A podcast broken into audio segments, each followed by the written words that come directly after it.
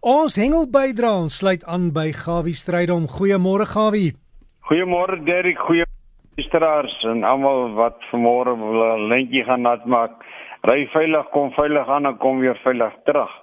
Nou ja, ek wil net vir u sê as jy dalk in die omgewing vandaan maak dit is en jy hoor mense skree coming over.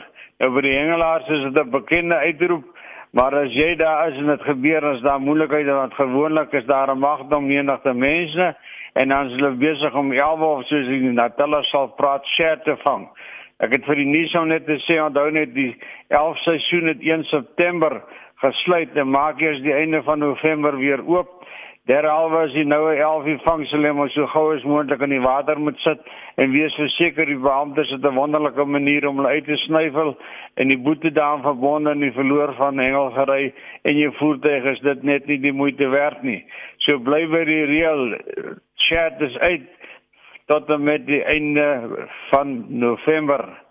Nou ja, terwyl ons so gesels sit ek kyk en ek sien die somer het sommer so skielik op ons neergedaal, maar nie teenstaande is nog die, oorgangstydperk en die vis byt nog nie baie goed nie. En as ons nou praat van dit, ek sien ek die vanke begin neste maak En nou merk ek dat hierdie mannetjies wat hulle so jekkerig hou, bou hierdie neste bietjie hoog.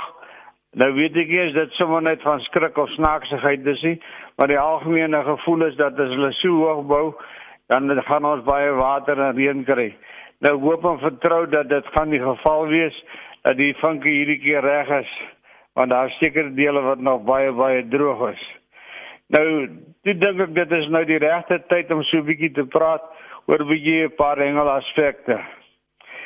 Nou geen hengelaar kan 'n perfekte hengeldag bestel nie.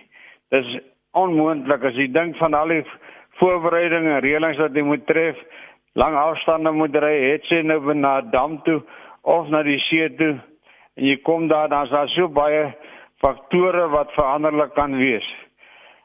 Ek praat nou hier spesifiek van wind. Jy kom daar dan waar die wind uit die oosheid of uit die wesheid of die noordheid of uit die suidoosheid en elke plek in die omgewing het 'n spesifieke wind wat hengel gunstig maak.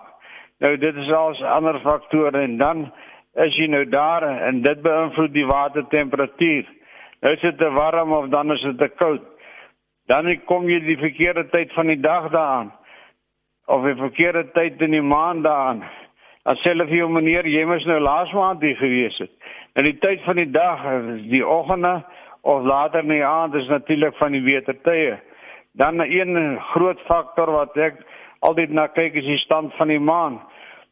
Volmaan is gegaan gewoonlik gepaard het sy donker maan of volmaan gestaan natuurlik moet spring gety. Dis wanneer die water hoër opkom en verder uitgaan. Dit het ook aanvloed op die hengel die sterkte van die water en sy strome wat se tipe sinker moet jy gebruik? Ek draai jy 'n bladsak vol verskillende sinkers. As jy nie die omgewing ken of weet waar jy spesifiek kan hengel nie dan natuurlik te stille water het natuurlik ook sy probleem.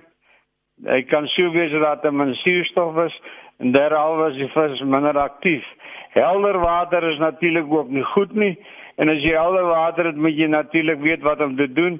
Dan moet jy gewoonlik 'n kleiner rasie aansit en 'n kleiner rasie met 'n kleiner hoekie. En natuurlik die kleur van die aas het ek agtergekom in my tyd dat jy moet 'n wit aasie gebruik. 'n Klein wit aasie iets in die vorm van 'n chokka. daarmee jy nou meer sukses. Soos ek reeds genoem vroeg in die oggend, laat in die aand en dan nie tussen 10:00 en 2:00 in die nag dan normaalweg is dit minder aktief die vis en 'n bietjie meer stil. Dan is daar goed soos atmosferiese druk.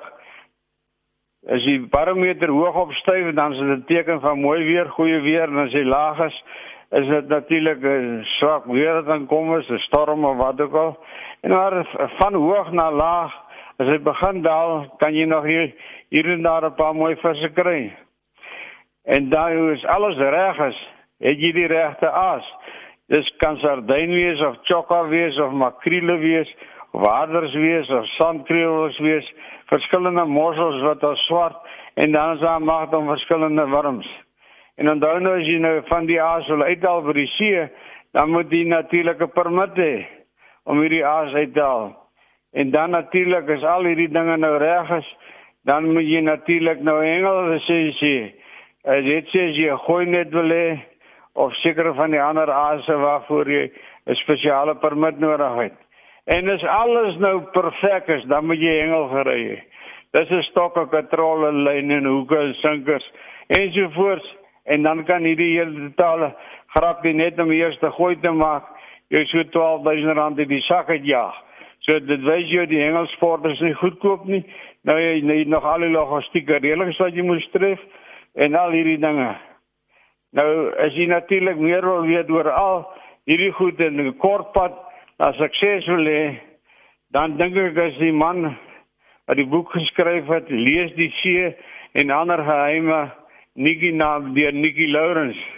As hy die regte man en hy kan gekontak word op NG Lawrence Lawrence met die w @gmail.com. Ek dink vakansie is nie ver nie om jy draai en jy kan vir jou baie ellende moeite spaar deur al hierdie goeie inligting te bekom. Dan wil ek net sê dat daar sommer hier en daar visie in die Weskus is die blomme nog mooi, maar nou ja verder gaan daar nie veel aan nie. Daar in die lagoon of soos baie mense sal verkies om te sê nie meer as 'n paar mooi kabeljoue gevang so tussen 5 en 12 kg wat dit die moeite maak om 'n goeie daad te maak. George in die omgewing die hele kus merk ek op. Reën het vir die laaste dag of 3 en ons verwelkom dit. Dit moet nog gebeur.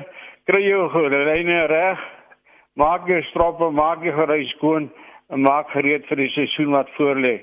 Liefde groete Gawie. Alles van die beste Gawie en heerlike naweek vir jou en as jy wil e-pos is gawievis by gmail.com. Gawievis by gmail.com